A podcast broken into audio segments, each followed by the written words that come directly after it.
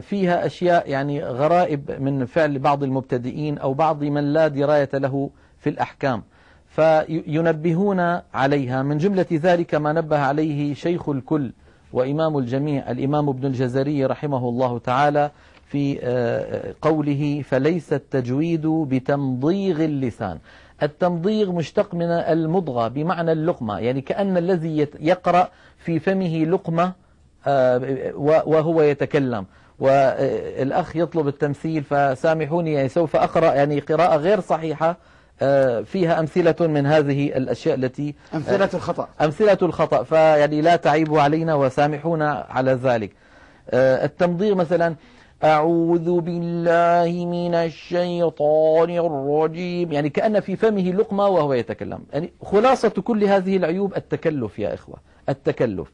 تمضيغ اللسان ولا بتقعير الفم. تقعير الفم مشتق من القعر. تكلم فلان أو تقعر فلان بكلامه أي تكلم من أقصى حلقه. ونحن نعلم بأن أقصى الحلق فيه حروف تخرج هي الهمزة والهاء والعين والحاء والغين والخاء. لكن المنهي عنه في هذه الصورة تقعير الفم هو الضغط الزائد على الحنجرة بحيث يخرج صوت شبه حرف العين مع, مع التلاوة. أعوذ بالله من الشيطان الرجيم. تجد بأن المتكلم يضغط على أقصى حلقه. هذا سببه التكلف والضغط الزائد. ما في داعي لذلك. نترك الأمر بالطريقة العادية التي ما فيها كلفة. ما أنزلنا عليك القرآن لتشقى. إذا هذا هو تقعير الفم ولا بتعويج الفك. تعويج الفك هو إمالة ما لا إمالة فيه.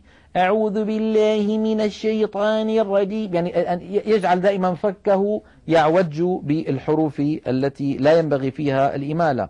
ولا بترعيد الصوت. الترعيد بمعنى الاهتزاز. وجعلوا الصوت كأنه يهتز ويضطرب ويرتعد. أعوذ بالله من الشيطان الرجيم. هذا يعني منهي عنه آه، قيل لأنه أولا لم يرد هكذا ولأن فيه تقطيعا للكلام ولأنه يعني كأن فيه آه، يعني أن الإنسان متأثر تأثرا مصطنعا. لو كان التأثر حقيقيا فلا مانع منه وهو ما حدث لسيدنا رسول الله بأبي وأمي صلى الله عليه وسلم لما دخل مكة فاتحا. آه، راكبا دابته مطأطئا رأسه تواضعا لله سبحانه وتعالى وهو يذكر كيف أن أهل هذه البلدة أخرجوه وأعاده الله إليها منتصرا فهو مطأطئ رأسه معترف بالفضل لله. فلما قرأ القرآن وهو على ظهر الدابة والدابة تهتز به صلى الله عليه وسلم خرج صوته متقطعا بحالة نفسية آه، متأثرة. هذا يحدث معنا كلنا, كلنا إذا أردنا أن نقرأ القرآن وكنا في حالة تأثر. فإذا إذا كان غلب الإنسان البكاء أو غلبه الخشوع فلا مانع من ذلك. أما أن يصطنع ذلك فهو الهيئة المنهي عنها. هذا هو ترعيد الصوت. ولا بتمطيط الشد. تمطيط الش... التمطيط يعني التطويل. ونحن نعلم يا إخوة أن المط في القراءة لا يكون إلا في حروف المد الثلاثة كما أشرت إلى ذلك مرات وكرات وفي الغنة في الميم والنون.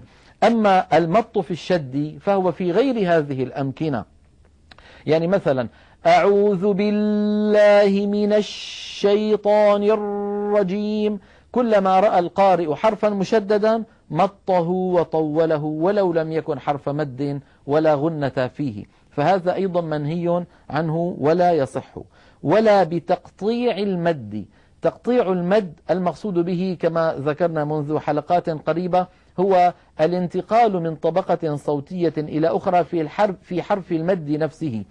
يا أيها الذين آمنوا هذا الترجيف للصوت والتقطيع للمد هذا من الهيئات المنهي عنها لأنه يولد من الألف ألفات ومن الواو واوات ومن الياء ياءات. ولا بتطنين الغنات. التطنين هو أيضا في التطنين في الغنات يشبه آه، التقطيع في المد. التقطيع في المد. مثلا من الجنة والناس هذا التطنين في الغنات الاهتزاز بصوتها. أما أن يبدأ من الجنة والناس يبدأ بطبقة صوتية فإذا بدأ منها سار فيها كاملة إلى آخر الحرف. فإذا انتهى الحرف انتقل إلى حرف آخر. ولا بحصرمة الراءات وهو العيب الأخير المذكور. الحصرمة آه، في اللغة هي التضييق. الحصرمة هي التضييق. حصرمة الراءات المقصود بها آه، أن عندما ينطق الراء أن يحبس صوته بالراء تماما فيخرج صوت الراء مبتورا لأن الراء كما كنا قد درسنا حرف بين الرخو والشديد فالصوت فيه يجري جريانا ناقصا.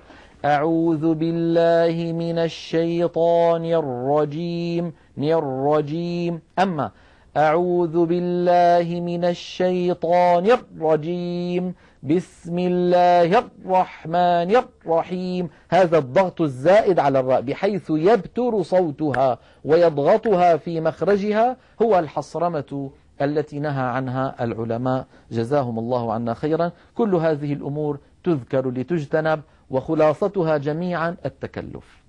فالتكلف أمر مذموم في التلاوة وما أجمل القراءة إذا كانت خرجت. هكذا كما قال عليه الصلاة والسلام اقرأوا القرآن بلحون العرب وأصواتها. القراءة بالطبع والسجية كما جبلوا عليه من غير تكلف مذموم. وصلى الله على سيدنا محمد وعلى آله وصحبه أجمعين. شكرا للدكتور أيمن ولعل هذا يساعد على